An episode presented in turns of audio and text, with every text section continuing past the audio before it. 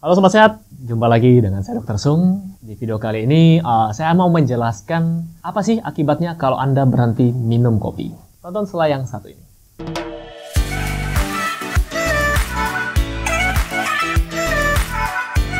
Sobat Sehat, sebelum saya mulai video ini, buat Anda yang sedang mencari produk-produk yang mendukung gaya hidup sehat, seperti suplemen, vitamin, mineral, atau apa pun itu yang mendukung gaya hidup sehat, silakan kunjungi boxsehat.com. Di sana ada beberapa pilihan produk-produk kesehatan yang mungkin cocok buat Anda.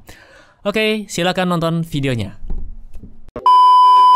Ya, Sobat Sehat, jadi siapa yang nonton video ini merupakan salah satu atau merupakan orang yang mencintai kopi atau pencinta kopi deh. Silakan komen di bawah ini kopi jenis apa yang Anda sukai dan kenapa Anda suka kopi. Kalau saya pribadi, kopi buat ya supaya bisa lebih berenergi, lebih semangat karena ada kandungan kafein di dalamnya. Tapi buat sobat sehat semua, tahukah Anda kalau buat Anda semua yang sudah terbiasa minum kopi, apalagi sehari lebih dari tiga cangkir, Anda tidak boleh langsung berhenti minum kopi. Jadi tidak boleh langsung berhenti minum kopi. Jadi ada penjelasannya. Jadi di sini siapa yang sudah pernah coba buat mereka yang ketagihan kopi, langsung berhenti minum kopi, apa yang terjadi? Ada yang bilang kepala saya pusing dok, ada yang bilang mood saya berubah, mood swing, emosi saya tidak stabil, sulit konsentrasi. Nah, apa penyebabnya? Jadi kalau kita bicara tentang kafein yang berefek pada tubuh kita, kita sendiri tahu kafein itu punya efek positif dan punya efek negatif. Kita mau lihat sisi yang mana dulu. Kalau kita bicara sisi yang positif, kafein ini memberikan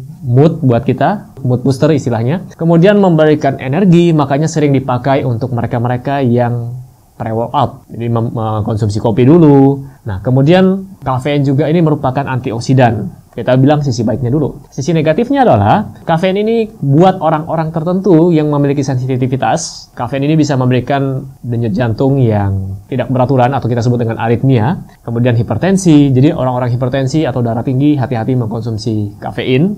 Dan itu tadi bisa menyebabkan kecanduan. Jadi mekanisme kerjanya seperti ini. Di dalam tubuh kita, di dalam otak ya terdapat saraf-saraf untuk menerima si kafein tadi terdapat reseptor. Jadi kafeinnya masuk ditangkap oleh reseptor. Jadi seperti kunci dan anak kunci. Klop. Cocok. Jadi misalnya pada saat saya sekarang nih, saya butuhkan kafein, saya ingin kerja lembur misalnya. Jadi reseptor saya ini akan menangkap kafein. Akhirnya saya tidak ngantuk, saya lebih bersemangat, saya lebih berkonsentrasi. Lembur nih hari ini, tidak tidur misalnya. Besok saya minum kopi lagi. Tujuannya supaya bisa lembur lagi. Jadi reseptor ini akan menangkap kafein lagi. Tapi tubuh kita mempunyai mekanisme sendiri.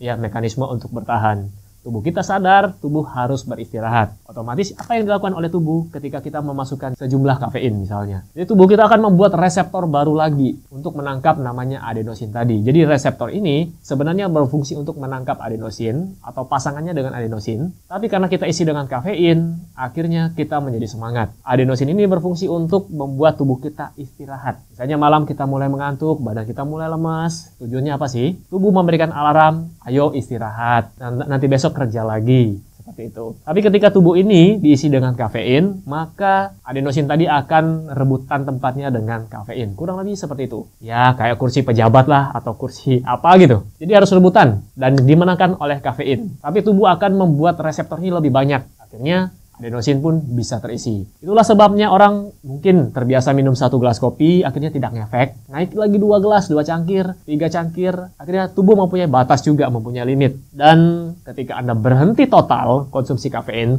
reseptor tadi yang sudah banyak jumlahnya akhirnya akan menangkap adenosin yang begitu banyak. Dan tubuh Anda serasa kok lemes ya, kayak habis dipukul orang, ngantuk, dan sebagainya. Jadi itu alasannya kenapa Anda harus melepas kafein bertahap. Istilahnya kalau kita di dunia medis kita sebut dengan tapering off. Sama seperti orang yang menggunakan steroid misalnya. Jadi tidak boleh langsung dilepas total. Nah, para perokok juga seperti itu. Jadi karena otaknya sudah terbiasa menerima uh, bahan aktif tadi kayak nikotin atau kafein itu harus di, dilepas bertahap agar badannya tidak kaget. Oke, mungkin itu saja yang bisa saya jelaskan buat Anda semua. Jadi buat Anda pencinta kopi, saya tidak suruh Anda berhenti karena kafein juga ada manfaatnya. Tapi sekali lagi buat orang yang sensitif Misalnya punya gangguan irama jantung, punya penyakit hipertensi, atau konsumsi sedikit kafein jantungnya tidak tidak karuan. Dan satu lagi buat mereka yang punya sakit mah, GERD, dan lain-lain yang berhubungan dengan pencernaan, sebaiknya ya kenali diri Anda. Kapan saatnya Anda minum kopi, kapan saatnya Anda harus istirahat minum kopi. Oke, Sekian informasi yang bisa saya berikan. Saya doakan Anda semua tetap sehat. Dan sampai jumpa di video saya selanjutnya. Salam hebat luar biasa.